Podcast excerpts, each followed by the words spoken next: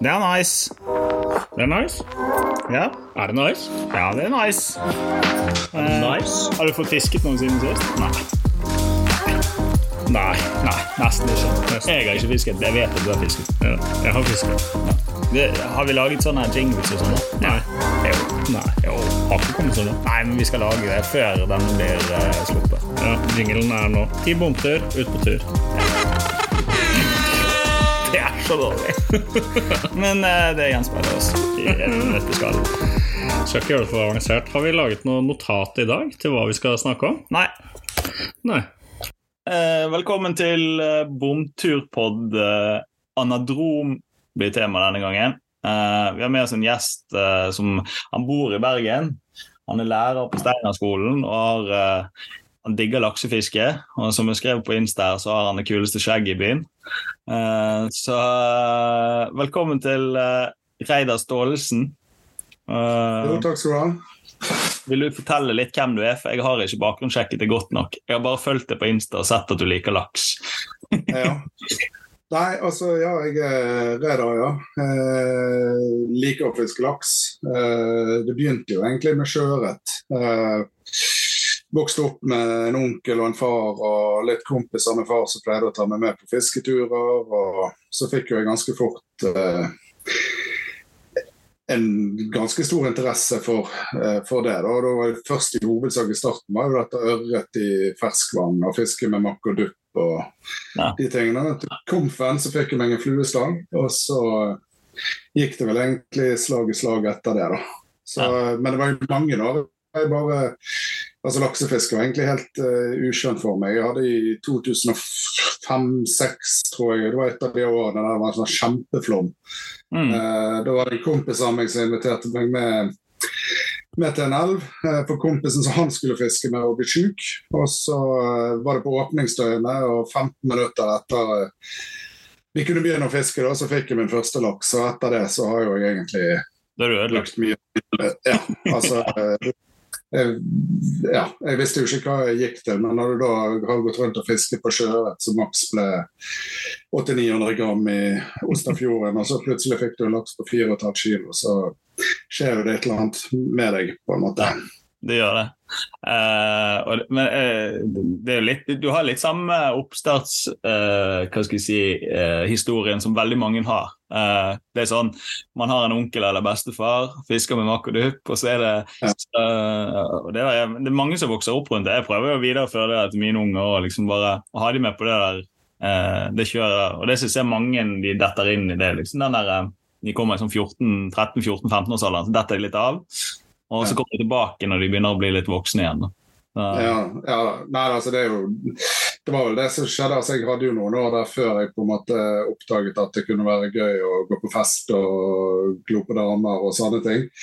Og så når jeg bikket 20 igjen, liksom, da var det et par kompiser, så vi, vi fisket mye.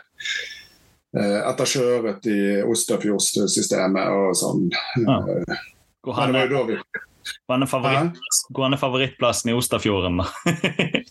er det lov? Nei, altså, vi, var jo mye på, på Haus da, og så inn i de forskjellige vikene rundt omkring egentlig hele øyen. Altså, vi, vi kjørte nå rundt, og så vi noe som vaket, så fisket vi. Men Haus var liksom alltid en sånn plass vi kom tilbake igjen til. Da. Men eh, den ble jo en litt sånn rar plass etter hvert. For det var litt sånn at hvis du ville ha regnbueørret, eh, så reiste du der. Fordi Ja. da sto jo de og trykket i denne pålen eh. Ja. Og det gjør de fremdeles. Det, jeg skal akkurat si det, det gjør de fremdeles. Vi skal komme litt Ja. tilbake til det med oppdrett. Men uh, fordi, uh, fordi det går jo litt an på så Det er jo fiskereider, men så er det en uh, politisk reider også. Ja da. Kan du ta litt om det? Ja, altså Vi kan ta litt av grunnen til at jeg bestemte Altså, jeg, jeg eh, ja, altså jeg opplevde jo på en måte at eh, vi hadde såpass mye utfordringer eh, mot min hobby, da. eh, som jeg følte jeg ikke ble gjort noe som helst med. Mm. Eh, og så bikket det egentlig litt for meg når vi hadde den store rømmingen eh, av den stormen Nina. sant? Ja, det er regnbuerømningen der med zombie. Ja. Ja. Ja, da, altså Det var jo helt jævlig. Altså, Noen av de første fiskene vi så jo helt jævlig, men det er noe eneste. Mm. Men sant, altså, vi følte ikke at vi fikk gehør, da. Sant? Og jeg var jo med medlem i Bergen Sportsfiskere, og vi prøvde liksom å, å påvirke eller å få, få en dialog og sånt. Så vi følte jo at vi fikk en viss dialog, men vi følte jo ikke at vi fikk noe sånn gjennomslag, at det skjedde noe. Og så tenk nå da, altså jeg, jeg engasjerer meg i mye, så det var ikke noe problem for meg å skulle på en måte gå inn i noe som på en måte ikke bare handler om fisk. Eh, altså, du må jo ha en samfunnsinteresse. altså Det må være et eller annet som du ja. eh, brenner for. Da. Men hvis du da samtidig kan påvirke det som er min og mange av mine kompiser sin viktigste hobby, og de truslene som er der, så ble det veldig naturlig for meg. Så eh, jeg sendte en mail til en i Arbeiderpartiet og en i SV, for det var de to partiene jeg stort sett drev og vekslet mellom å stemme på ved hvert valg. Eh, og så fikk jeg et svar ganske raskt fra Arbeiderpartiet at de ville gjerne ha meg som medlem. Og så sa jeg at jeg ville ikke være medlem, jeg ville være aktiv. Jeg ville kunne påvirke og gjøre de tingene. og så det endte noe med at to dager etterpå så satt jeg på uh, kafé med Marte Mjøs Persen, som nå er statsråd. Og eh, hun sa ja, hva er det du vil gjøre med, hva er det du vil politisk? da, og Så hadde vi et raskt møte og plutselig så havnet jeg i et av de utvalgene som jobbet med partiprogrammet på miljø da, for uh, Arbeiderpartiet for forrige periode, da, 2015 til 2019 i, i Bergen. Og så ja, kom jo jeg med på den listen, da, så sånn listefyll, men så fikk jo jeg mange personstemmer til at jeg kom inn i ja. bystyret. Da. Så da da gikk jo det fra at du på en måte står på siden og bare egentlig kan skrike og gi beskjed om alt som er gale, der du ikke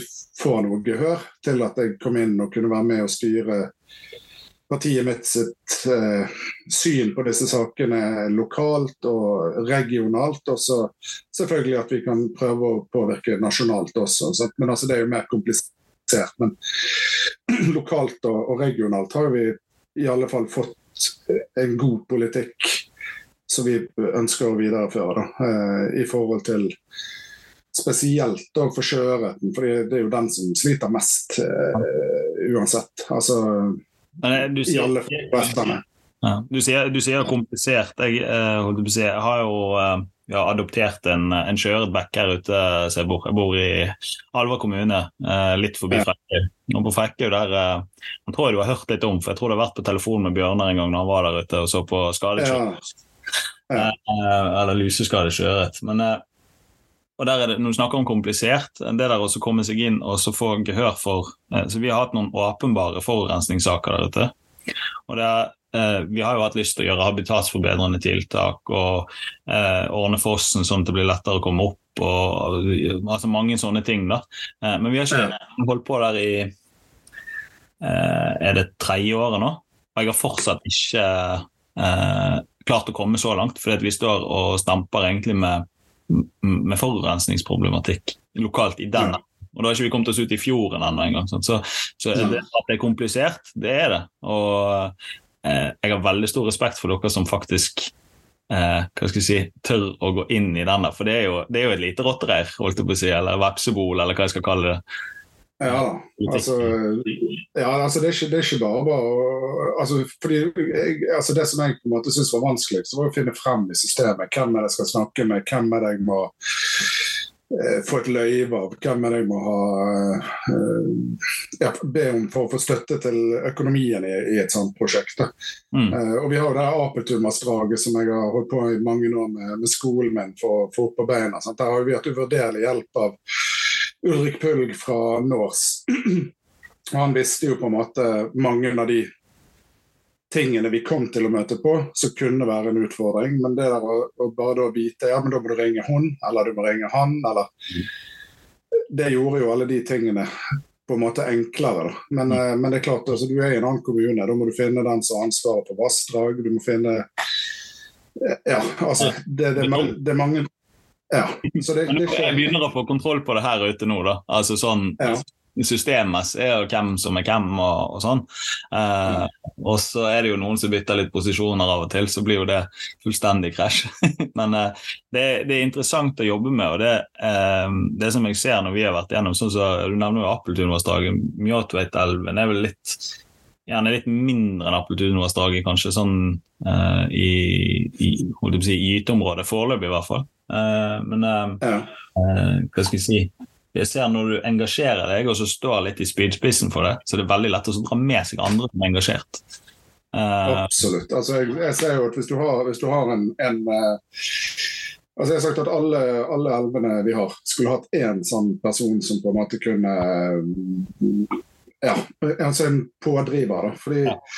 Hvis den personen klarer å få kontakt med lokale medier, eller bruker sosiale medier godt, eller eh, sånn vi, altså vi har hatt stor suksess med, for vi har gjort det som et skoleprosjekt. Sant? Fordi det har jo på en måte vi har jo flettet inn en haug med fag. Sant? Vi kan bruke skoledagene våre i å gjøre disse eh, tingene. Sant? Og det, Da er det plutselig de folkene som er rundt med, med, med, for, altså Vi hadde jo et kjempestort problem med forurensning. Altså det første elevene gjorde når vi hadde det, var at vi fant alle bedrifter som tilgrenset vassdraget. Så sendte elevene personlige brev til eh, alle disse. Og, og i løpet av kort tid så var jo utslippene redusert voldsomt. Ja. Så der er det folk som rett og slett ikke kanskje har visst om eh, at de slapp ut. Og, og vi skjønte jo også at de tingene som kom, det var vel mest sannsynlig altså, lekkasjer på, på ting, eller andre grunner til at utslippene kommer. ja, ja. Så altså, det er absolutt viktig at du på en måte har en eller annen spydspiss,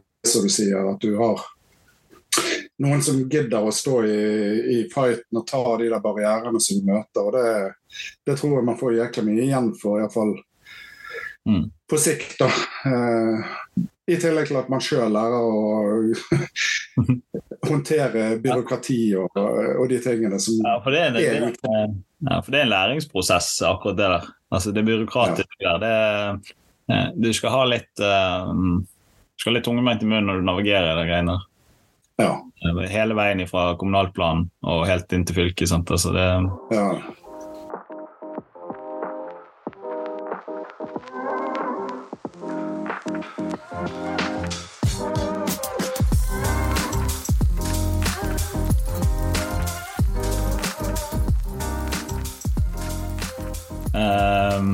Men altså Uh, jeg, har, jeg har laget meg sendte jo deg noen spørsmål og noen temaer eller stikkord. da. ja. så vi prøver å jobbe oss litt, uh, litt gjennom det, for jeg vet at vi kommer til å gli ut. ja det er garantert. Men hva skal jeg si Jeg har, jeg har, skrevet, et, jeg har skrevet et spørsmål. Ja. Er den atlantiske laksen tapt? For det er Når, når vi ser på, ser på situasjonen rundt om i vassdragene eh, Jeg har jo vært bekymret for det i mange år. Eh, Mm. Mange elver som er stengt for fiske fordi gytebestandsmålet ikke er oppnådd. Eh, det er masse trusler. Jeg laget noen, noen meningsmålinger på, på Insta her, på den bomturkanalen vår, holdt jeg på å si. Ja. der, der er jo en del som peker i retning oppdrett, f.eks., som tror at det er liksom den verste trusselen. Um, så det, hvis vi går litt inn på det med Hva tror du om framtiden til den atlantiske laksen, og gjerne sjøørret nå, for den saks skyld? Det er jo to forskjellige fisker med to forskjellige levesett. Men. Ja. Nei, altså Jeg tror ikke at den atlantiske laksen er tapt. Altså, det, tror jeg ikke Altså, vi er ikke der, men altså, vi er faretruende nær der. Eh, men altså Det er altså det, det, det, Et vanskelig spørsmål. ja, det, ja, for det er vanskelig. sant? Altså, vi har mange elver som er stengt. da.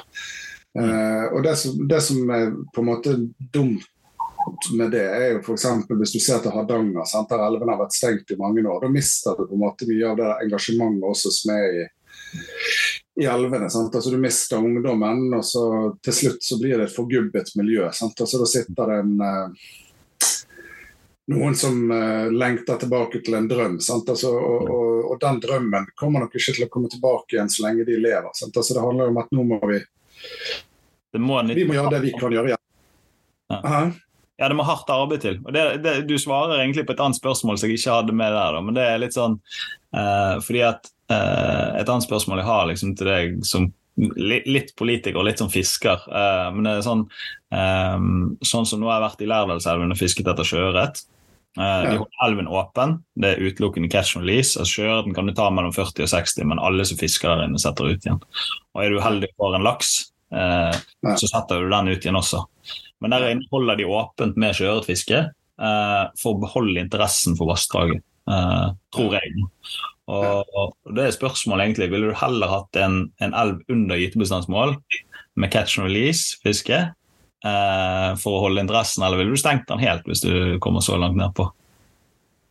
Nei, altså Det kommer jo litt an på også. sant? Altså, Hvis du kunne stengt en elv i, i, i et par år, Mm. og sånn som situasjonen er nå, så vil jo ikke den bli bedre på de par årene. Sant? Fordi altså, Trusselbildet er det samme ute i fjorden. Men, men hvis du har en eh, hvis du har en elv, da er i alle fall delvis åpen. Da. Altså, det trenger jo ikke være Altså Hvis du har forsøksfiske som du har i Voss og Bolstad, sant? Mm. Altså det, det er jo kanskje en annen modell jeg heller ville gjort. Sant? Altså jeg, fordi det er et eller annet greier med Altså Hvis du slipper folk uh, til altså det, det, altså jeg, jeg, Mm. Catch and release funker. Altså eh, Det er ingen tvil om at det er den beste måten for å beholde en bestand, hvis du først har en bestand som sliter. Altså, hvis du skal ta livet av all fisken du får, så vil i hvert fall det være en sesongkvote. Og så er den kanskje ferdig med en gang. Men, men har du catch and release-fiske, og det gjøres på en god måte og fiskes forsvarlig, og, sånn som det skal, Mm. eh, så, så vil jo den fisken overleve. Og selvfølgelig vil det være noen som blør og ikke kan settes ut igjen. Ja, ja. OK, da, da, er- da er det på en måte en del av det gamet, da. Mm. Eh, men det vil jo være et lite antall fisk eh, sammenlignet med å holde elven åpent vanlig. Da. Ja. Men da, da vil jo du på en måte i hvert fall, du kan både sørge for at kommer det en rømt oppdrettslaks, så kan det være den kommer på kroken. Da kan du få den ut av elven. Eh, nå når vi har pukkellaksen i tillegg, så invaderer mange av elvene. Sant? Altså, du har noen da som også, kan ta de ut, men Jeg så de var kommet til Altså- Alta også nå. ja da, altså, de, de kommer jo, de. Eh, så, men om, å stenge elva helt, jeg, jeg vet ikke. Eh, kanskje. Kanskje det er det vi bør gjøre. Ja, jeg, jeg er i hvert fall helt sånn her eh, Etter liksom å holde på. Jeg, for min del jeg er sånn superklar på det. Eh, jeg diskuterte med mange, da. Eh, og det er, veldig, det er veldig usikkert, men jeg er, jeg er veldig for det der å bare holde det åpent. Eh, Men også begrense uttaket. Eh, så gjerne kjøre sånn som du sier, jeg synes i Voss òg. Der må du gjennom et kurs i catch and release. Uh, der, Det er ikke et kurs der du sitter på en skolebenk. Du får egentlig bare notert opp hva som er viktig å gjøre når du skal drive catch and release. Og det er gjerne sånne ting som man ikke tenker på, men bare du skal ha tangen på lommen. Sånn at du lett kan ut. Sånn, altså sånne ting. Da. Og jeg tror at hvis eh, Sånn som for vår del i, i si, Ikke den gamle gubbegenerasjonen som skal kakke og hive i fryseren, men, eh, men det har skjedd noe de siste årene med kulturen rundt laksefiske som gjør at jeg tror at det går an å holde elvene åpne. Men for vår generasjon og de som er yngre enn òg, så tror jeg det er viktig at eh, mener jeg, så tror jeg det er viktig at interessen for å kunne være i elven og fiske, eh, den er viktig å ha der for at, for at noen skal gidde oss å gjøre kultiveringsarbeidet etterpå. Da. Ja, og, det, og hvis du ser til Naustad? Altså, der har de en kvote på altså Han er jo tredelt i soner i elven. Sant? Altså, der har de vel 15 storlaks på hver av de sonene som er lov å ta. og så eh, Ellers er det eh, tert du kan ta. Ja. Og da, Den bestanden der er jo god. Altså, det er jo en elv som faktisk har en, en, god lakseelv. Og, og folk fisker jo fremdeles. Altså, ok, De kan ta seg en tert i ny og ne, men, eh, men de fleste slipper jo ut igjen uh, fisken de får der.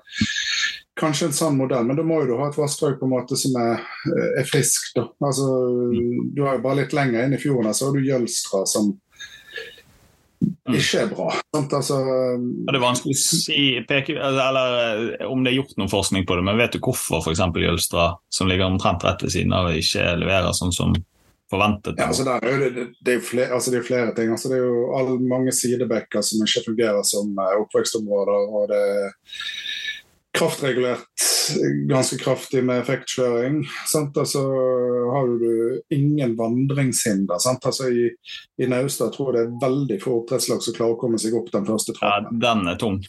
Ja, sant? Men, men, men, Villaksen må jo ha perfekt vannføring der òg for å klare det. Ja, det er det. Sant? Mens, mens i Jølstra så er jo det flatt hele veien. Sant? Altså, det, er ikke, det er ikke noen hinder der før du kommer inn til endestoppet. på en måte. Sant? Så, og der har du også denne genetiske innblandingen. Sant? Altså, de sier vel at det er vel 40 er innblandet uh, Ja. genetisk der. Sant? Så det, det, er jo fra elv til elv, egentlig, alle disse tingene. Sant? Og så har du noen elver som eh, altså Som klarer seg egentlig ganske bra. Sant? Som holder en god bestand med fisk, og som eh, Folk tar mye fisk, eh, men samtidig så holder han seg relativt stabil. Men det er veldig forskjellig. Men altså, jeg tror det handler mye om også hvordan står du i forhold til eh, lusesituasjonen? Sant? Altså Den utvandrende smolten den er lang fjord han skal svømme gjennom. Dauer de fleste av de før de i det hele tatt er kommet ut i havet. Mm. Eh, eh, men altså, du ser jo sant, altså, sjøørreten er jo Det er ikke mye sjøørret i, i Naustdal. Eh, det, er ikke, det er ikke mye sjøørret på Vestlandet, egentlig, sånn som det skulle vært. Sant? Altså, Eh, Sånne der pinner. ja, det, altså Bare for et par år siden sant, da hadde vi 550 gytefisk i Apertunnvassdraget. Og det er jo mange flere enn det i Os, det er mange flere enn det i Arna. Altså, og det er jo Det elver viser det hjelper. Ja, det, altså det hjelper å, å, å gjøre en jobb i elvefasen. Jeg, så det er det jeg mener. Altså, jeg tror ikke jeg tror ikke eh, villaksen i Norge er tapt. Men, men jeg tror at vi har eh, Det må skje ting nå.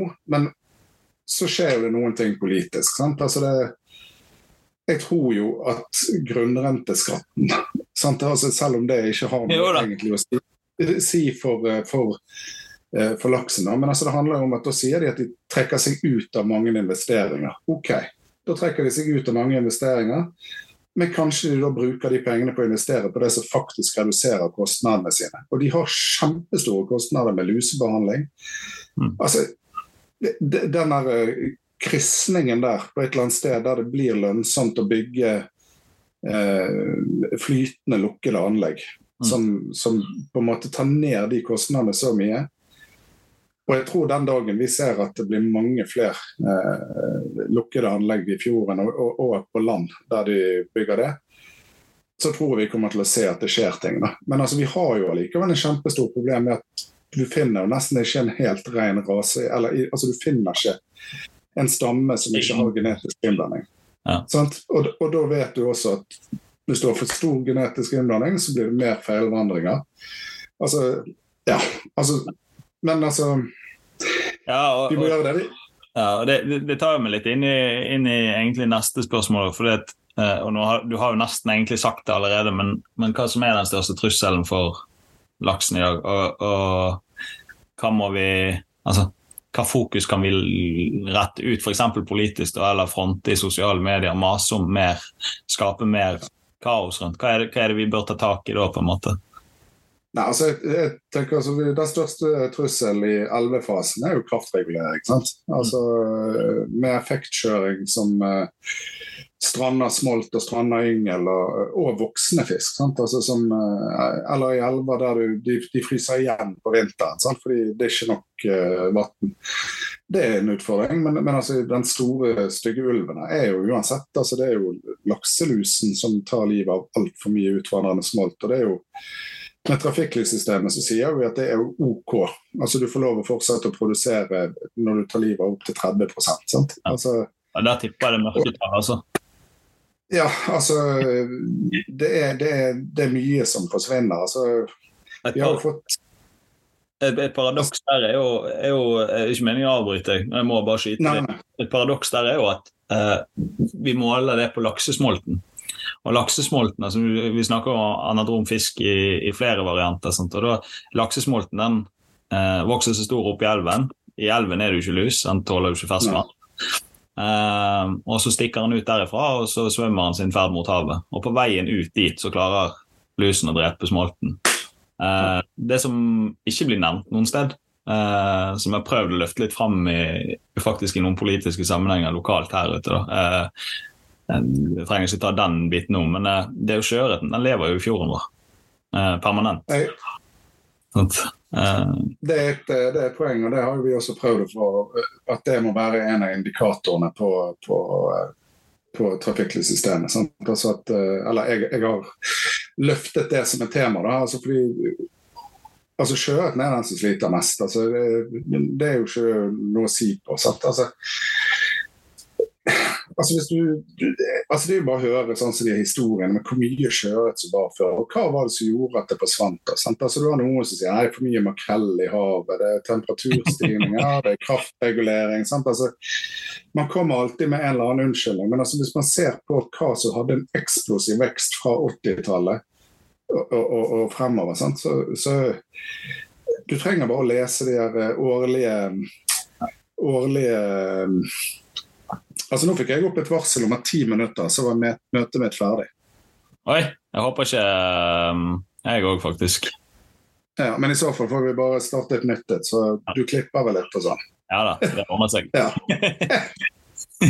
Nei, men, men, men, altså, så for sjøørreten, den har jo det er jo som du sier, sant? Altså, Den går jo og labber rundt ute i fjorden her, sant? og beiter, og så reiser han tilbake igjen. Og det var jo bare altså, Ta tilbake igjen Tapetundvassdraget, for det var jo der vi på en måte ble enda mer obs på dette. Og Det var jo et år for noen år siden da når vi hadde den tørreste sommeren noensinne. Det var vel 2014, tror jeg. Mm. Og Da skulle vi få installert en fisketeller i, i munningen av elven. sant? Eh, og mens eh, da de sto der for å måle opp hvor som var det beste stedet, så så de plutselig at det kom flytende masse fisk med buken opp nedover elven. Mm. Og så bare helvete, men det, hva er dette for noe, da? Nei, altså, da var jo sjøørretsmolt. Sant? men den skulle jo ikke være der, for den skulle jo ha gått ut for en måneds tid siden. Mm. Og så tok de opp da med håv og, og fikk inn en seks-syv stykker. Og, og, den ene fisken sant? Altså, han var 17 cm og hadde 605 lus. Ja. Det, altså, det, det, forteller jo og, og, det, og det er jo Annethvert år så er det masse fisk ute i fjordene eh, som står i anleggene. Sant? fordi da venter de på å bli slaktevekt. Og det er verter som står der. Og så klager vi, og så sier vi ja, men den her lakselusen hva vi gjør med dette problemet. da? Nei, ok, vi skal skjerpe oss neste år. Og da er det ikke fisk ute i de anleggene, sant? fordi da er det ikke satt ut igjen i. Og så bare ja, se her, vi, nå er alt bra. Mm. Og så er ikke det året etter igjen. Det, det, det, det, ja. ja. Og det er ja, altså øh... Jeg føler jo det er litt håpløst. Altså, akkurat den luseproblematikken. For det, uh, men, men uh, Nå skal jeg ikke si at ting er håpløst, men, uh, men, men sånn som vi hadde jo uh, Mjøtveitvassdraget, og det ligger jo egentlig som fjordmessig bare en lite steinkast under Apeltunvassdraget, egentlig. Ja, ja. Og, og møter på samme problematikken i fjordene. Og jeg tror det er det var ikke i fjor, men for to år siden så hadde jeg utplassert kamera i nederste hølen der i slutten av mai. Begynnelsen av mai til slutten av mai, et par økter. Og på det verste så eh, hadde vi vel Jeg tror jeg telte 60 kjøret i den lille nederste kulpen der. Eh, og alle sammen hadde egentlig dødsdommen, da. altså i forhold til hvor mye lus det var på dem. Uh, og største vi fanget der, var nesten fire kilo. Når vi snakker om 600 lus. Vi, vi, stoppet å telle når vi passerte 500, da. men den var tett pakket i lus. da. En stor, stor fin sjøørret som var død. Uh, og så hadde vi en episode nå med Vi gikk jo i bresjen for Mangasfjorden. der uh, Jeg husker ikke i farten hvem det var som hadde planlagt anlegg der, men der skulle det etableres to store anlegg og selv om området altså området vårt er jo rødt i, eh, i trafikken. Ja. Uh, og da er det liksom sånn da forstår jeg ikke helt hvor henne, hvor henne kommer konsesjonen inn i bildet, og hvor henne konsekvensutredningene uh, ikke trafikklyssystemet tatt med i, i beregningen. Så vi fikk jo stoppet det, da, for vi, de møtte jo massiv motstand av en gjeng med striler. Men uh, ja. Så vi var jo på det nivået. Ja. Ja, men det er jo det? Altså, Selv om det er rødt, sant? så kommer det en eller annen vekst. Altså, da er det et eller annet Nei, men det er et undervisningsanlegg. Nei, det er et anlegg som er tilknyttet uh, Fiskerimuseet. Nei, det er et anlegg som er tilknyttet uh, det, eller ja, altså, altså Det kommer jo en eller annen snikvekst som får en eller annen dispensasjon allikevel. Sant? og Det er jo det som på en måte frustrerer dere. Men men, men, samtidig, altså, man ser jo at det er enkelte prosjekter på en måte som leverer jævlig gode resultater. Sant? Altså, du hadde der inne i Hardanger noen som produserte enormt fin fisk. Mm. Eh, der de fikk mye mer av den gode kvaliteten av laksen som oppdretterne er interessert i å ha, for de får mer penger for det. Ja. i lukkeproduksjonen fra start til slutt. sant? Ja. Og altså, altså Sånne typer prosjekter det er jo det vi egentlig må heie frem. sant? Fordi jeg, jeg har i hvert fall opplevd at at hvis vi er for mye bare sånne altså Da blir det sånne skyttergravgreier. Da er det en eller annen kommunikasjonsrådgiver fra Norsk Sjømat eller et eller annet som bare altså Nå ser man ikke viktigheten av denne næringen og alt sånt som det der. Og alle ser jo viktigheten av at det er en næring som produserer mat og at ja, Ja, for vi er litt, altså, vi er jo litt Nei, for vi er jo egentlig litt ferdig med den tiden hvor Jeg, jeg husker jeg, jeg har skrevet på Facebook 'ut med oppdretten, hater oppdrett' og liksom eh, ja, ja. sånn som det der. Men det, oppdrettsnæringen er en viktig næring for Norge. Eh, det høres helt fælt ut å si det, egentlig, men, men han er jo det fordi han Altså Han skaper arbeidsplasser, ikke så mye arbeidsplasser kanskje. Jeg kjenner det Nei. for å si det nesten. Men eh, oppdrettsnæringen, altså oppdrett av laks er kommet for å bli i Norge. Eh. Så det handler jo gjerne om å påvirke sånn at um, rett blir gjort på en bærekraftig måte som ikke påvirker villfisken. Ja, og Da er det forbrukermakt. Og da er det jo, Hver gang man går i butikken, uansett om man skal kjøpe laks eller ikke, og spørre hei, har dere laks fra lukkede anlegg. Mm. Hvis det, det hadde vært 100 stykker om dagen som har gått innom alle butikkene og, og spurt om det, så hadde jo det vært på en måte en etterspørsel så de ikke de kan, kan Ja. komme tilbake. Sant? Altså, da er det det. Sant? Eller hvis du går på en eller annen restaurant så bare sier ja, vi serverer Altså, jeg, jeg, jeg spiser jo selv laks. altså jeg, To ganger har jeg spist laks.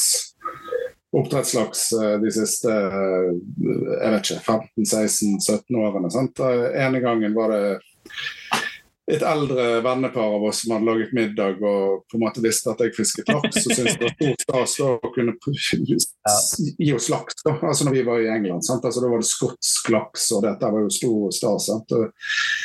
Da spiste jo jeg da høflighet, sant? Altså, men, og det sa jo ingenting, for det var jo på en måte noe som de hadde gledet seg til å servere. Eller, eller så den andre laksen jeg spiste, har jo vært lukket, fra lukket anlegg. Ja.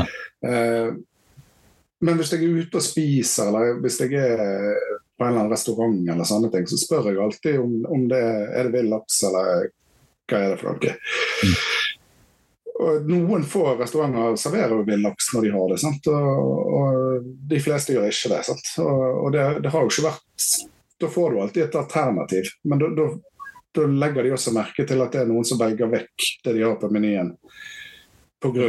at ja, de, de, de vet jo grunnen. sant? Eh, og da eh, Jeg tror jo det er sånn vi kan påvirke, i hvert fall det. For jeg tror det er forbrukermakt til syvende og sist. Og så, eh, for for den, det lobbymaskineriet som havbruksnæringen har, altså, det skal ikke vi skimse av. Altså. Bare, jeg nevnte grunnrenteskatten i sted, men altså, ja.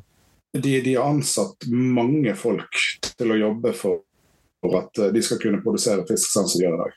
Jeg var, jeg var veldig aktiv, det er mange år siden nå, men det, det, det gikk jo Da ble det eh, det ble personangrep til slutt, og jeg fikk eh, privattelefoner og privatmeldinger. Men jeg var veldig aktiv i, i et Facebook-forum.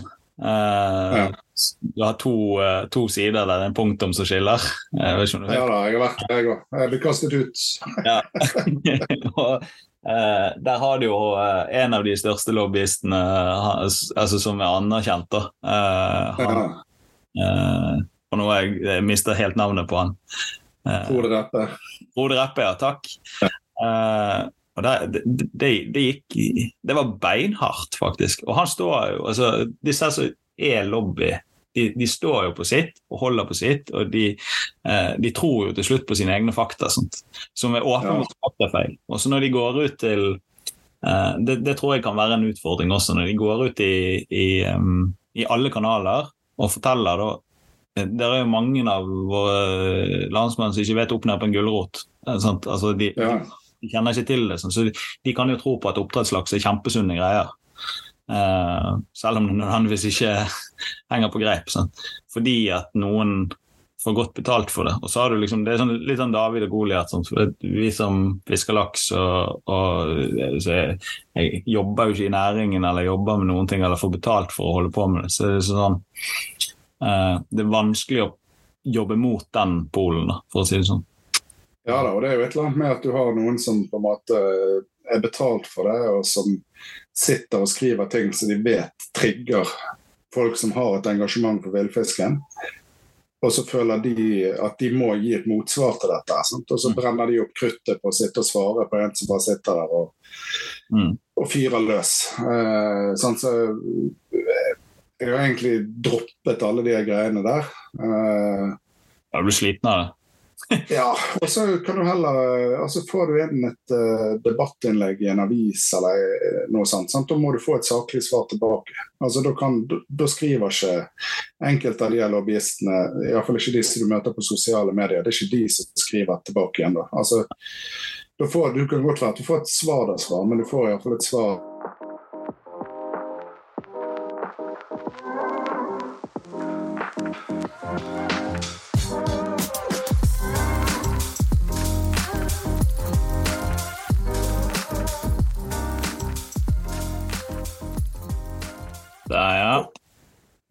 vi tilbake.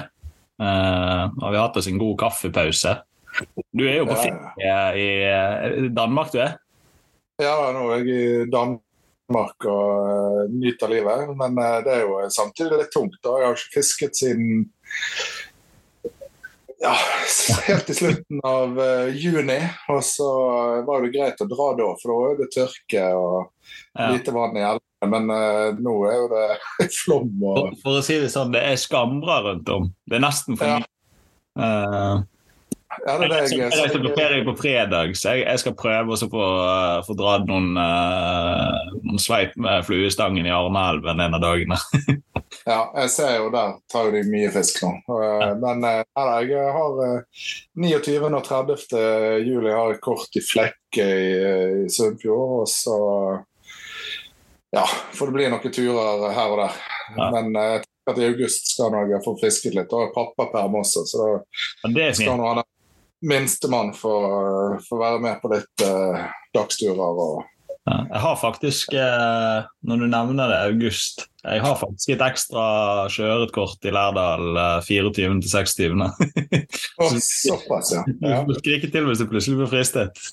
Ja, nei, det skal jeg gjøre. Nei, nei, jeg må kjenne at det, det er klart med de der Altså, Det er kjekt å være på ferie. Det er alltid kjekt å være på ferie. Men, eh, men eh, det er klart med at denne ferien alltid er midt i laksesesongen. Ja, det er det.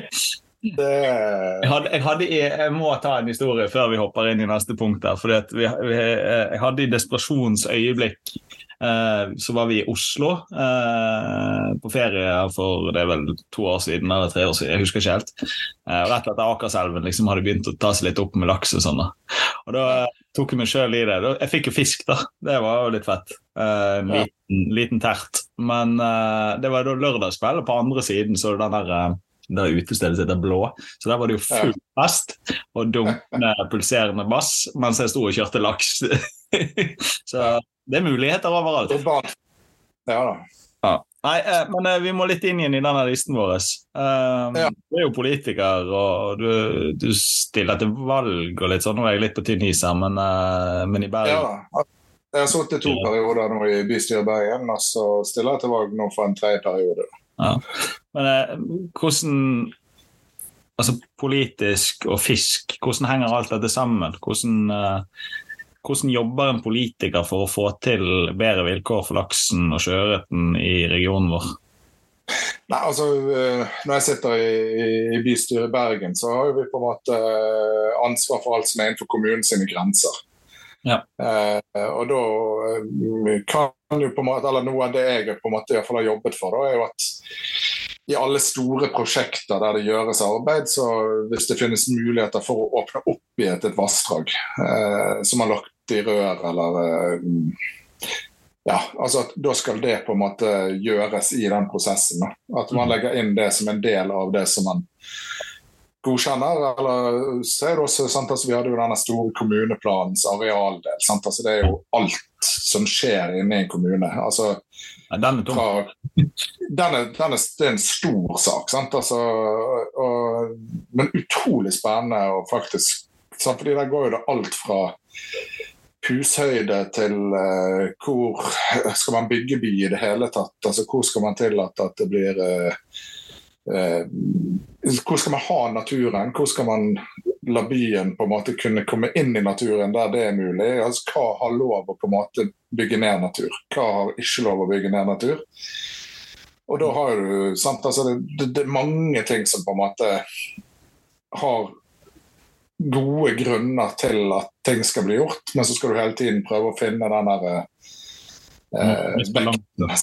Mm. Og Hvis noen får en dispensasjon, så, så skal det gjøres avbøtende tiltak, eller du skal gjøre ting som gjør at du på en måte plusser på det som du kanskje har gjort litt mye negativt. Men, det er for, avbøtende tiltak, eh, bare sånn for å få det forklart. Eh, ja. For det, det altså, er ord som dukket opp hos mange her. Ja da. Nei, altså, avbøtende tiltak det kan jo være at hvis du et eller annet sted i et vassdrag eh, må gjøre noe der du bygger ned f.eks. kantvegetasjon, eller at du, det må bygges en bro som kan gjøre en forstyrrelse, eller noen steder er jo det mest fornuftig å legge elven i et rør, sant? Altså hvis det skal bygges noe som skal gå over. Sant? Men eh, at du da forbedrer potensial et annet sted. Ja. Altså i, i i enkelte elver. Sant? Så Der elven er i rør, det er vanskelig å gjøre noe med det. Det er dyrt å åpne opp igjen rørene, men du kan på en måte gjøre andre deler av elven så godt god som du kan. Mm. Eh, da er det et godt avbøtende tiltak. Men før hadde du f.eks. kraftregulanter i, i bl.a. på Hardangervidda. Et avbøtende tiltak for at de tok, eh, altså brukte dette til magasiner og sånn, var at du skulle sette ut så å si mange fisk i, året. Sant? Altså Det var et avbøtende tiltak. Altså, ja. Jeg har oppfattet avbøtende tiltak som ifra der, altså når jeg begynte der ute som vi holdt på i Mjåtvetelven, så var det liksom sånn å forhindre f.eks. For forurensning rent i, rant i elven. da. Uh, ja. Men uh, ja, det kan være ganske mye mer. Det, det, det, ja, det kan være mye mer. Sant? Men altså, forhindre forurensning i havna i elven, det er jo noe de er pålagt. Altså, altså, det er jo hvis du har et arbeid som ligger rett ved, så, så, skal du gjøre det du kan for at det ikke skal komme forurensning i elven. Altså når de bygget den nye veien til Os, så hadde jo vi kjempemye avrenning av det veiprosjektet som havnet i elven. Altså til slutt så tok jo de alt overvann alt overvann som kom ifra der, og samlet alt i et rør som gikk langs hele elven. Sant? Ingenting havnet i elven. Det, det er jo det, det, skal du gjøre. Sant? Altså, du skal ikke ha et utslipp i et vassdrag. Eh, for det er ganske, store, altså ganske strenge verneregler både for kantvegetasjon for hva du har lov å slippe ut. Men, ja, men avbøtende tiltak det kan være noe som på en måte kompenserer for at du gjør noe dårligere. Mm. Enkelt og greit. Men, så, sånn så Lokalt så er det, da er det de tingene vi kan påvirke. Sant? Altså Sørge for at det er best mulig levevilkår i i, uh, i disse vassdragene. Altså, I Bergen er det ingen, uh, det er ingen oppdrettsanlegg i Bergen kommune. Uh, men andre kommuner på en måte som har det, altså, de vil jo ta dette med i sine kommuneplaner. Sant? Hvor er det de ønsker at disse oppdrettsanleggene skal ligge, eller mm. altså, Sette av områder dette er satt av for akvakultur, f.eks. Eller det er spørsmålet, Hvis du har akvakultur, kan du da ha fiske og fritid og alle disse andre postene inne i samme område? Altså, du, du, setter jo av områder som f.eks. for, for sånn LNF. sant? Det har du sikkert hatt. Landbruk, natur og fritid. sant? Altså, det er jo områder som på en måte nesten er fredet for annen, annen bruk. Mm. Eh, og Det er veldig sjelden at du legger et uh, oppdrettsanlegg altså, du, det, det, skal ikke forringe den kvaliteten, eller du skal ikke bygge ut. Men så er det noe med det som skjer ute i fjorden. sant? Altså, Det har lenge hatt en det har vært lettere å få, få en godkjenning der enn, en. hvis du hadde bygget noe på land. Sant? Altså, det kan godt være at utenfor et naturområde som på en måte ønskes å vernet, der vil du aldri få lov å bygge et naust, eller du får ikke lov å bygge noe som er oppe på landet sant, i dette området. Mm. Men allikevel så kan det komme et oppdrettsanlegg 100 meter fra land eh, som forringer kvaliteten for fiske, for de som vil padle, for de som vil mm. gjøre de tingene. Men eh, nei, så, så, lokalt altså, så, så, kan jo det påvirke med altså, alle bekkene og alle de tingene som kan sikre et godt oppvekstvilkår i samme type store planer. Men så har du også i forhold til eh, budsjetter. Sant? Altså, hvor hen vil du investere penger i å eh, flomsikre et vassdrag? Og da kan du legge inn i en sånn flomsikringsplan at du vil ha fisketrapp. du vil bruke penger på habitatforbedrelse ja, altså sånne ting. Mm, ja. Um, men, men, så kan vi også påvirke regionalt, sant? for vi er jo en høringsinstans i forhold til uh, større regionale planer som også går til sentralt. og Da, da har vi f.eks. i forhold til for effektkjøring eller kraftig nedtapping av magasiner, sier vi imot. Uh, og så har vi også at vi har gitt et uttrykk for at i forhold til vannressursloven at Eh, vi ikke ønsker fjorddeponier. Eh, vi, vi, ønsker at produksjon av laks skal foregå i, i, i lukkede anlegg, sant? altså fortrinnsvis. Det er på en måte måten du kan påvirke som en lokalpolitiker.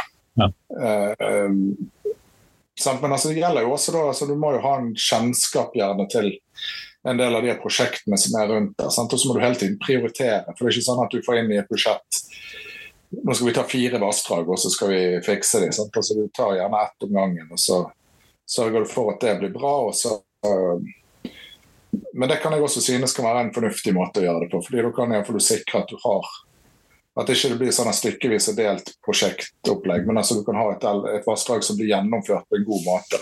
Ja. ja. så har du jo f.eks. Apeltunvassdraget. Det er jo et godt prosjekt, uh, ja. hvis jeg ser det utenifra. Uh, og, det, ja, så kopiere litt metodikker og litt sånn. Uh, hvordan ting blir gjort. og ja. Og Det er jo noe av det vi ønsker. sant? Vi ønsker å spre den kunnskapen vi har fått. sant? Men vi har jo ikke hentet så mye penger fra, fra uh, kommunalt Altså vi, vi, har fått penger fra kommunen, og de har bygget en fisketrapp for oss. Mm. Men hovedandelen av pengene vi har fått der, har jo vært fra Lagunen, altså kjøpesenteret. Ja. Så, altså, det er jo mange millioner vi har fått der. Til Eh, altså, hovedgrunnen til at mye av det vassdraget var ødelagt, på en måte, var jo de har jo en kjempesvær parkeringsplass. Mm. Når de saltet den om vinteren, så kom eh, måkebilen og tok snøen og bare puffet det rett ut i Apeltunvannet, som er et stort, viktig vann i. Ja, og det tanken der er nok smart, for da forsvinner jo den snøen. Det, det gjør men det gjorde jo også at vannet var 3, 35 meter dypt, tror jeg. Sant? Og det var kun de to øverste meterne som var, var levelige for, for akvatisk liv. Ja. Men det er jo pumpet rent. Nå er hele vannet fra bunn til topp eh, good. Sant? Eh, ja, så altså jeg, jeg, har jo hele tiden tenkt Eller det som vi på en måte ønsker, da, er at du går i dialog med både næringsliv som er tilknyttet vassdraget, forvaltningen selvfølgelig, kommunen, finne noen frivillige organisasjoner, finne skoler, engasjere naboene til vassdragene. Altså Klarer du på en måte å lage en, en, en større samling av folk som engasjerer seg, eh, så er det mye lettere å få ting til. Ja. Ja, du må en god gjeng. Det kan ikke være gutteklubben. Altså. Nei, altså du må på en måte Ja, det må komme litt Altså Man kan godt være at man får en helt annen innfallsvinkel også hvis man inviterer noen som man ikke tenker man kunne tatt med. Og de, og de kan også ha, helt nydelige løsninger som du sjøl ikke alltid tenker er en løsning. Og så eh, når du ikke minst har forskningen i bunn, sånn som vi hadde, sant? som hadde kartlagt hele vassdraget og visste hvor alle flaskehalsene var. Mm. Dette er det viktigste dere begynner med. Dette kommer på del to. Dette kommer på del tre. Og nå er vi på en måte på vedlikeholdsarbeidet. Altså nå er det å sørge for at det er nok gytegrus i de kulpene. Passe på at det ikke er for mye sjufiske. Sjufiske er jo et problem. sant? Altså, med en gang vi begynte å fortelle at her er det bra, så hadde jo vi folk som gikk og lystret der om natten. sant? Men uh, da var det heller ikke vanskelig å få, få folk til å være med og gå nattevakt. Nei, for det, ut, er det mange som eierskap til elven. Så. Ja, det er det. sant? Og det var mange som fulgte med. sant? Altså, jeg kunne jo, uh, altså, Den ene episoden er jo egentlig ganske vittig. fordi da hadde vi, altså I titiden om kvelden lørdag så ble jeg oppringt av at uh, en av de som bodde opp med, med Apetunvannet, han hadde sett at det var to stykker som hadde dratt et garn over hele vannet. Uh, og lurte på hva vi skulle gjøre med det. Så, så altså Det er miljøkriminalitet, så jeg, så jeg ringer politiet. Jeg også ringte politiet og sa at uh, her er det noen som satt ut et garn i et annet anadromt vassdrag. Eh, vi er redd for at det kan ta hele bestanden. Det bøtter ned nå, det kan komme opp masse fisk potensielt nå i natt. Eh, vi kan risikere at en stor del av det som skal opp i år, går i det garnet. Mm. Og så sa de ja, altså vi kan ikke gjøre noe med det. Det er lørdagskveld, det er masse som skjer. Eh, så jeg spurte jo ja, har, jeg, har jeg lov å ta det garnet. Har jeg lov å ta det inn? Så sa hun nei. Eh, jeg spurte hva, skjer, hva, skjer, hva skjer hvis jeg gjør det, da? Nei, altså Du har ikke lov. Eh, jeg kan ikke nekte deg å gjøre det, men du har ikke lov å gjøre det. Og så skjønte jeg at da tar ikke det videre, og så ja. avslutter vi den samtalen. Da. Men da reiste jeg opp da, til han som ringte, og han hadde en sånn bitte liten eh, barnerobåt. Eh, så vi var jo to, to, menn på godt over 100 kg som rodde ut og i et sinnssykt her. Eh, fikk opp det der garnet og hev det på land, og det var ikke godt noen fisk i det da. sant, det hadde ikke stått så lenge. Eh, og Så tok jeg med meg det der garnet og så kjørte jeg til politiet og så leverte jeg inn garnet. Og så hadde jeg en annen nabo som hadde tatt bilde av de som satte ut garnet med ansikt og alt. Og de hadde også tatt bilde av huset de kom ifra. Eh, sånn, så vi, vi, visste jo alt. Altså. Vi visste hvem det var, når de hadde gjort det. Vi hadde garnet. og så eh, leverte jeg da, til politiet og sa jeg denne saken jeg kan ikke dere henlegge. Eh, det, går, det går bare ikke. Og så tenkte jeg bare ok, men da må vi bare pusle enda mer, for jeg er redd dette blir henlagt. Så da fikk vi Fanaposten til å lage oss en sak om det. Og de tok jo førstesiden, sladdet ansiktene på disse her og bare massivt tjuvfiske i Apeltun. Alt er levert til politiet, og eh, vi forventer at dette skal bli oppklart, sa jo da Fanaposten som en sak. da. Og Da hadde jo de selvfølgelig bedt politiet komme med en kommentar, og eh, da kunne jo ikke de henlegge det. sant? Altså, men det, dette er jo en sak som fort hadde blitt henlagt. Ja. Men det er jo de som holder på sand. sant? Og så har vi fjorden eller utenfor elvene våre, så har vi mange som setter ut garn. Og vi har mange som fisker ulovlig i også stengte vassdrag. sant? Altså, og det er jo uheldig. sant? Altså hvis du har, Det er også en av grunnene til at jeg på en måte kanskje ikke tror at å stenge et vassdrag helt for fisk løsningen. Altså, Da har du ingen som går der og passer på hvis det plutselig er noen der Nei. og fisker. Da. Og er, er dette en elv som det kanskje kommer opp 20 laks, og hvis det er noen som er der en dag de er på hugg og får noen av dem, så kan jo det være kroken på døren for, for den elven. Sånn, Så ja, altså det er komplisert. Ja, du har jo ofte de som tjuvfisker, og det er jo Nå skal ikke jeg uh, uttale meg og komme med noen fordommer, men de som tjuvfisker, eh, det er ofte de som kakker og, og liksom ikke reflekterer noe særlig over det heller. Uh, Nei. Mange ganger. Ja, har, ja da, ja da jeg, jeg, ser hvordan Men jeg, jeg har blitt overrasket også over enkelte av de jeg har møtt som har vært ute og tjuvfisket. Mm. Eh, så står i kveldingen, og du ser de gjemmer seg, og de står der og fluefisker. Mm. Og så har jeg sett at de har sluppet ut igjen det de har tatt. Men altså, det er jo et eller annet med at den elven er stengt for fiske. Ja. Eh, og det skal, altså, da, da øker du på en måte en, en, en, risiko selv om du slipper de ut. Altså, hvis du da er heldig og får en av de viktige hoene, og så dauer den. Mm.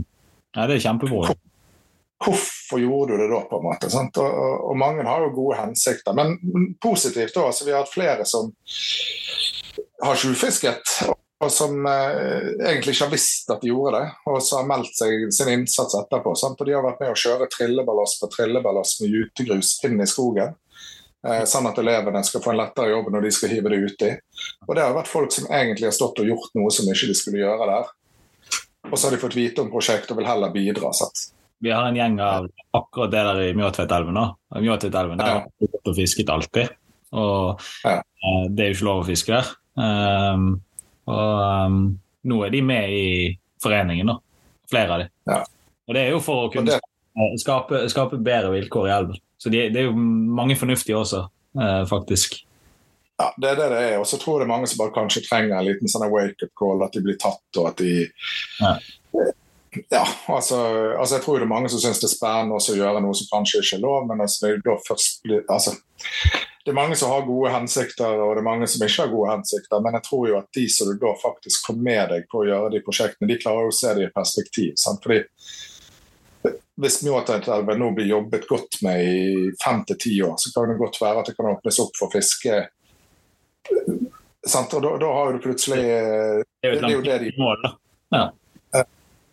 Og, det, det, og den, akkurat den tanken tror jeg om de har lyst til å kakke alt, eller om de har lyst til å slippe ut igjen alt, eller hva de har lyst til, bare at de er engasjert på fiske. De, alle har jo lyst til å få en fisk på kroken når de fisker. Du har ikke lyst til å sjufiske i en elv som er stengt fordi det er nesten ikke fisk der. Nei. Altså, det går jo imot alle fornuftige regler, egentlig. ja, det er det det gjør. Så jeg tenker jo at hvis vi hadde klart på en måte å samle alle sant? Men altså det går jo, altså du ser jo inne på de fiskeforumene sant? Det, Hvert år så krangler de, catch and release Grønn til at alt går til helvete. Og så er det- har du de som Nei, og så er det det at de kakker altfor mye. Det er grunnen til at det går til helvete. Det, det er jo en forskjell på å slippe ut i en fisk og det å kakke alt. Sant? Altså, Ja. det, men den den, debatten- diskusjonen, den debatten der, den, den, eh, den kommer aldri til å forsvinne heller. For, men jeg, jeg tror han kommer til å ebbe litt ut. for det, jeg har litt inntrykk av at en del sånn forgubbete typer som sitter og diskuterer der kakk alt. Eh, egentlig. Og så, men eh, når det går på catch and release, jeg føler eh, Bjørnar Netland og Anders Netland de hadde en video av Den har du sikkert sett. Den eh, laksen som var landet. Han ble landet tre ganger, eller noe sånt. Først hadde Anders fått den ett år, så han reiste til havs. Så han kom inn ja, ja, Naustagudin, ja. Naustagudin, hva het. Eh, Den anbefaler jeg alle å se. Alle som, alle som er skeptiske på om catch and release faktisk funker, inn og se den videoen. Eh, For det er et bevis på at det funker. Enkelt og greit. Ja da. Og det gikk jo en historie også om eh, en som var i en, altså en, en, en Vossolaks som var tatt i, i, i, i, Jeg lurer på om han var tatt i Bolstad. Så har han blitt sluppet ut igjen, og så har han gått ut igjen fjorden. Og så var han blitt tatt i, i, i disse forsøksnotene som de hadde der. Eh, og så han har svømt ut igjen fjorden igjen, og så ble han tatt i Arneelva. Ah, ja. Altså, det var der han stoppet livet sitt. da. Ja. Men eh, sant, altså, det viser jo at det går faktisk fint. da. Ja. Og så er det selvfølgelig, så sier jo at noen av de fiskene de stikker til havs, og så dropper de gytingen et år. Men, eh, Ja. men altså, det er jo det er mange historier om folk som har fått samme fisk to dager etter hverandre, og, sant, altså, så du kjenner igjen. Og, Ja. Det er jo al- Altså, så lenge det blir gjort ordentlig, og du på en måte ikke kjører de i hæl og, og holder de under vann og alt sånt, så tror jeg at det går helt fint. Uh, og jeg har jo vært med på det sjøl. Altså, jeg har jo når vi har stamfiske, f.eks. Altså, vi ser jo at mye fisken der eh, Det går jo helt fint. Han, han overlever jo, blir flyttet på og alt. Sant? Og så er det klart at i juni så er fisken mye mer sårbar for håndtering og disse tingene, og da må man være mye mer forsiktig. Men, Ja, men altså, August- og septemberlaksen som har fått panserstål, den, eh, den tåler litt juling. den tåler ganske mye. ja. Sant? Men, eh, men det er klart det må gjøres eh, ordentlig, sant? og da er det viktig at man har utstyr som man trenger til å gjøre det. og eh, Kanskje aller best alltid fisker to stykker eh, når det er fisk som skal ut igjen. Sant? Fordi det kan fort koke når du står der alene og du ikke helt vet hva du skal gjøre. Sant? Men altså, jeg, jeg har jo alltid fisket mye i, i Dalelven. Og der er jo den som har Fettfinne den er jo fredet. Sant? Så, og det er jo ikke noe problem der. Altså, folk slipper jo han ut igjen, og det, og, det går bra. Sant? Eh, der er jo folk på en måte trent. Ja da, altså, altså han er jo, det, det er jo drevet av uh, klekkerifisk. sant? Altså Det gjør at måte du kan holde oppe et engasjement. Men altså jeg tror jo at hvis ikke du hadde hatt det klekkeriet der, så hadde jo Dalelven vært stengt på dagen. og så hadde det vært game over for den elven. sant? Men der har jo de klart å holde oppe et engasjement pga. at de har noe som folk kan fiske på. Og, og, og så lenge det er vann i elven, så er det en bra elv å fiske i. sant? Altså du får fisk. Eh, Arna også, sant. Altså, Mm. de er nok avhengige av å ha det klekkeriet for å på en måte ha en bestand som det går an å fiske på. Men det, det skaper jo også et stort engasjement. Mm. Eh, og det er jo en diskusjon. Sant? Er klekkerifisk riktig, og er det bra? Og, eh, men jeg tenker jo at Jeg tror alternativet er jævlig dårlig. Ja, fordi altså, situasjonen er sånn som den er i fjorden. Og i en drømmesituasjon så ville vi hatt lukkede anlegg. Vi ville hatt mye mer miljøtilpasset uh, vannkraftutbygging. Mm. Høyere minstevannføring. Uh, ingen rømte laks som kom i elvene våre. Og, og heller ikke klekkeri eller de tingene. Um, men, men der kan jo vi komme på et tidspunkt. Sant? Men jeg tror jo at frem til vi er der, så så tror jeg vi er nødt til å ha det sånn som vi har i mange elver. Og, eh, jeg vet jo at det er mange som er helt uenig med meg i, i akkurat det. Men, eh, men jeg, jeg, tror at for å holde oppe et engasjement og så, du har jo den eh, naturens gang-filosofien som mange snakker om. Men hvis vi skal gå naturens gang, så kan du ikke ha fjorden stappfull i luseverter eller altså oppdrettslaks. Det er jo naturens gang, så da må vi kompensere. Er avbøtende tiltak. Avbøtende tiltak. Og det er, kunstig, altså det, er jo, det, er jo, det er jo å holde kunstig liv i elvene. Altså, men, men, men sånn som situasjonen er, så, så tror vi må det. Altså. Ja. Dessverre. Ja. Altså, Politikken og om fisk. Det, altså, oppsummert så er det mm, Det handler om å påvirke, da. Ja. Der man kan. Det, det, ja og, og, og, det tenker jeg gjelder jo egentlig alle. Sant? Fordi alle er jo Alle kan påvirke. Sant? Altså, får man fisk som ser helt jævlig ut pga. at han er blitt oppspist av lus og er full i det Altså legge ut et bilde på sosiale medier eller skrive et innlegg til avisen eller et eller annet. Utfordre de som har ansvaret for dette. Sant? Altså, mm. Hvorfor er dette uh, Ja, og det kan alle gjøre. Det kan alle gjøre. sant? Også, du, altså, Å gjøre det man kan. da. Om det er det å legge ut et bilde, eller om det er det å engasjere deg lokalpolitisk, eller ja, hvordan man gjør det. sant? Altså, alle må jo kjenne på hva de sjøl er komfortable med. Men, men, altså det er Jeg tror vi kan Jeg tror vi er en god gjeng som kunne mobilisert enda sterkere mm. politisk og forvaltningsmessig eh, i, eh, i, i uh, fiskemiljøet. Ja. Det tror jeg. Ja. Det er en god oppsummering. Er, vi har noen sånne um vi har noen faste spalter, og så har jeg et par punkter til. men Vi begynner, begynner å trekke ut i tid her nå. Men det er ja, godt å snakke om. Men, men hva skal vi si um, Beste fiskeminner? Da kan du ta hva som helst. Altså, mitt beste fiskeminne Eh, altså Av sånne helt nylige, så må jo være da jeg hadde med minstemann uh, Nei, ikke minstemann nå, men han som var minst sist. Ja. Eh, hadde med meg han og fruen inn på på fisketur. Og så eh, var egentlig alt rigget for at vi skulle ha en lang sånn her, eh, familiedag. Og så eh, var det liksom over på fem minutter. Ja. Og da tenkte jeg fordi da var denne kvoten ferdig. Men, men, altså der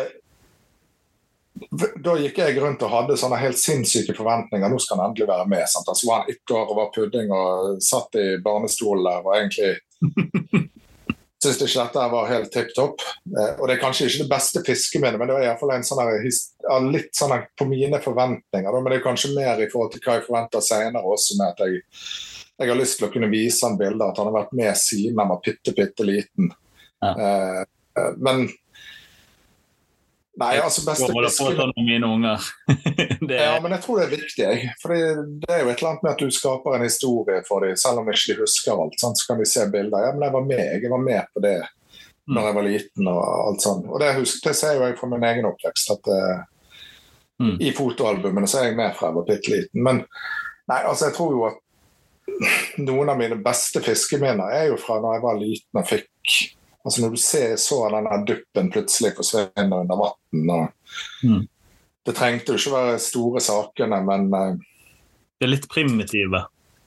Ja, ja og så den spenningen. altså Sitte og vente på at det der skal, skal skje. Da. Men uh, nei, i laksefiske så tror jeg kanskje, kanskje den Altså den første laksen. altså det var, altså det var, helt magisk. sant? Altså Vi var tre kompiser som reiste inn i den ene hølen, satt og fyrte opp et bål.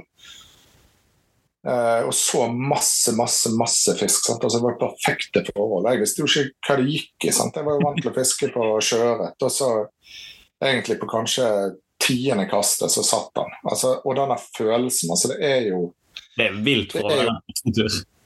Ja, for det er jo det der taket. sant? Altså, det er jo det vi på en måte alltid er ute etter. Så Nei, altså det er masse, men altså Nå er det på en måte mye mer det der rundt. Altså magien med å være ute i naturen og ja, være fete plasser og masse natur og vite at du kan få noe. Men ja, nei, men det beste fiskeminnet må være når jeg var liten og du på en måte ikke visste hva som egentlig lurte når duppen forsvant.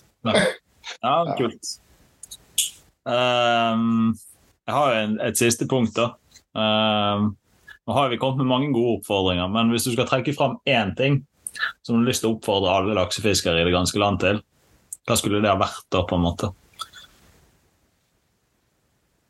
Nei, altså Finn deg en bekk og ta vare på den. Og se om det er ting du kan gjøre. og eh, For vi, vi, har veldig stort fokus på disse store elvene våre. og eh, Ja, altså Vi glemmer for mye at grunnen til at vi begynte å fiske, var jo kanskje sjøørreten eller ørreten eller om mm.